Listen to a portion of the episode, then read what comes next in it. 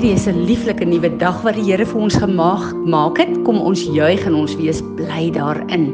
En wat 'n wonderlike voorreg om te weet dat daar's niks in hierdie dag wat met ons gebeur wat ons God nie saam met ons is en wat hy nie kan hanteer nie. Ons is besig om te kyk na die maniere wat die vyand ons aanval sodat ons dit kan onderskei en nie in sy strikke trap nie. Uh ek wil vandag uh, 'n skrif lees 2 Korintiërs 11 vers 14 wat sê no wonder for Satan himself transform himself in an angel of light.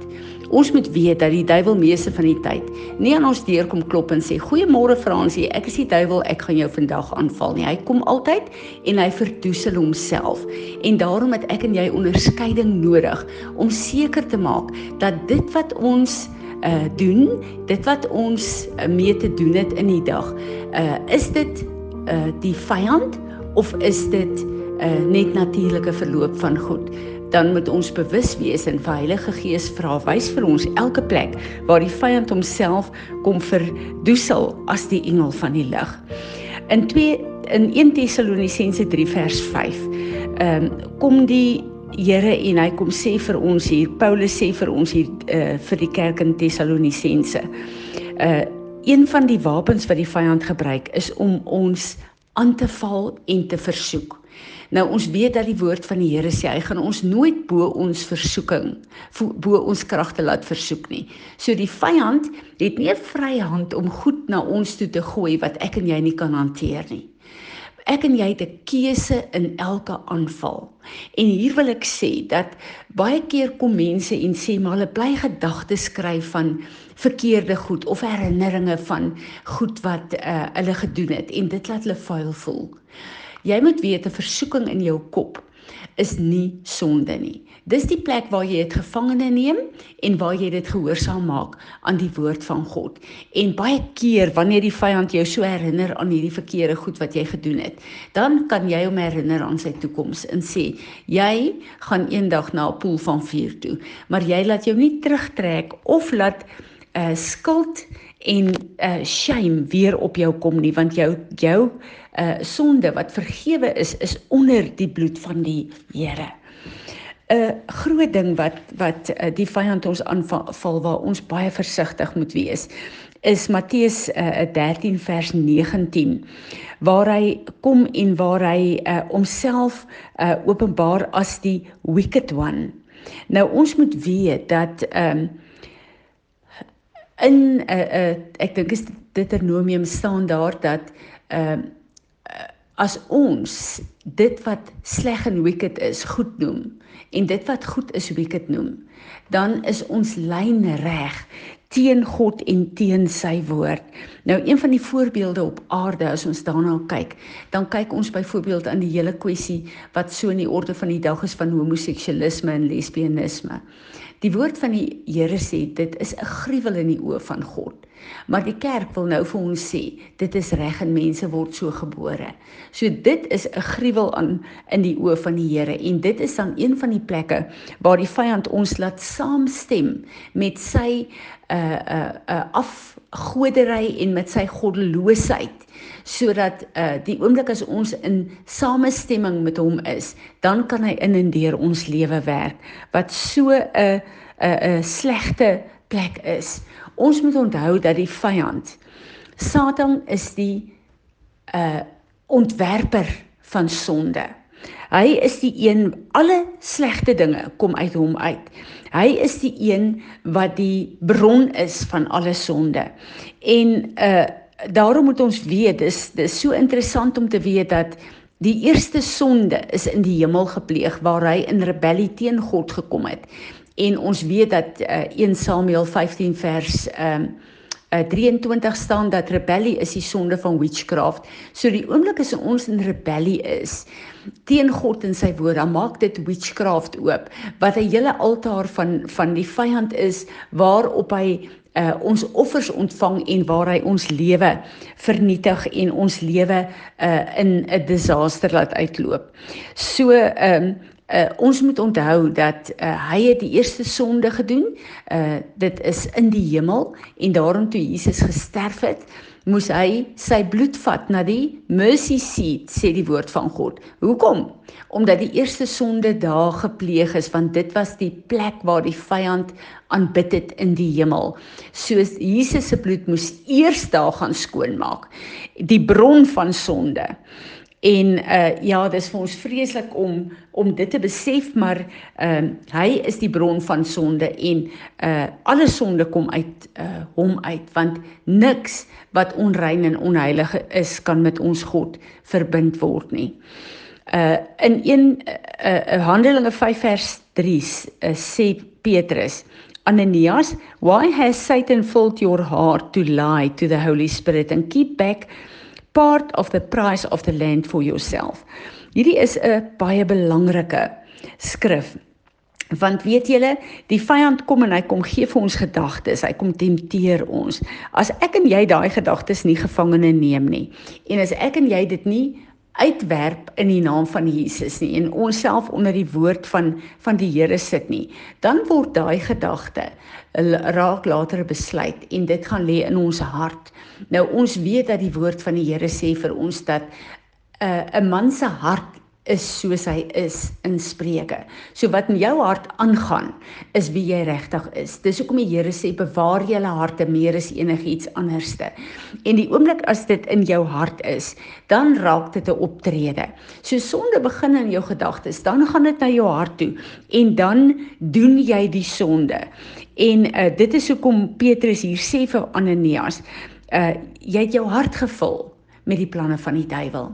En daarom is dit vir my en jou as kinders van die Here so belangrik om elke negatiewe en elke verkeerde gedagte gevangene te neem. Dit gehoorsaam te maak aan die aan die woord van God sodat dit nie in ons harte gaan nie. En dis my baie interessant as jy die boeke lees van Dr. Caroline Leaf uh uh wat baie oor die brein en die werking van die brein vir ons leer, dan uh kom sy ook en sy sê dat in die brein is daar 'n 'n gedeelte wat hulle noem die hippocampus. Nou dit is die dit lyk letterlik soos 'n seepertjie. Dit is die plek waar jou gedagtes inkom en waar jy dit kan toets.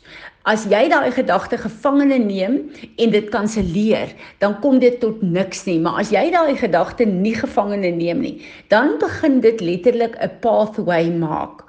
Ehm um, uh, met jou neurons ma maak dit 'n pathway om daai gedagte te vestig in jou kop en dan op die einde land dit in jou hart en dan word dit sonde en dit is so gevaarlik. Ek en jy moet weet Ons moet ons gedagtes reinig sodat ons harte skoon kan wees van hierdie planne van die vyand.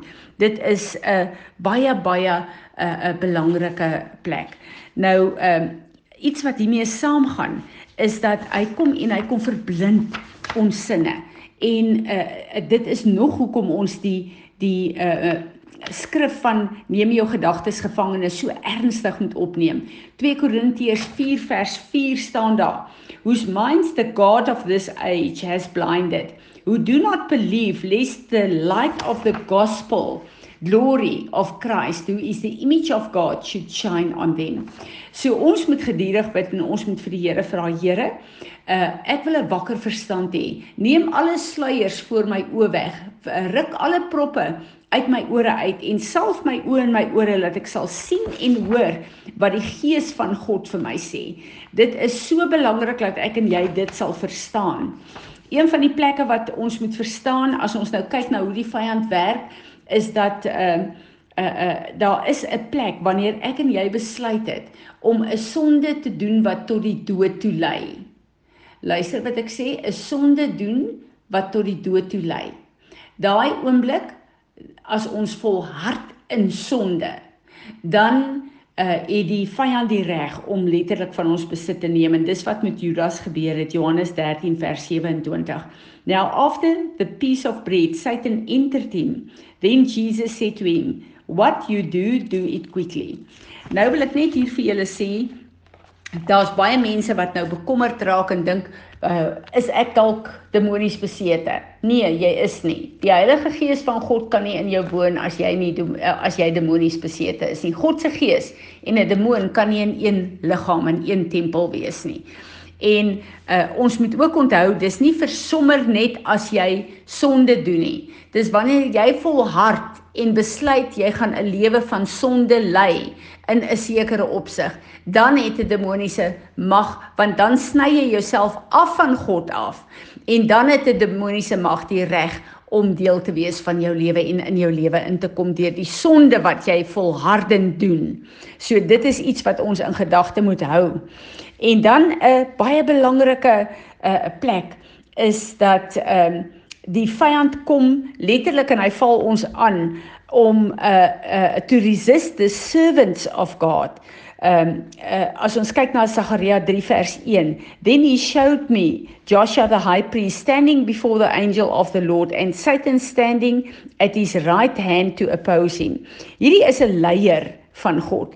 So uh elke keer elke plek waar ek en jy in leierskap is, Ons moet weet ons gaan oppositie van die vyand hê en ons moet veral sorg dat ons naby die Here bly en seker maak dat die Heilige Gees vir ons wys wat is in ons lewe en wat is nie in ons lewe nie.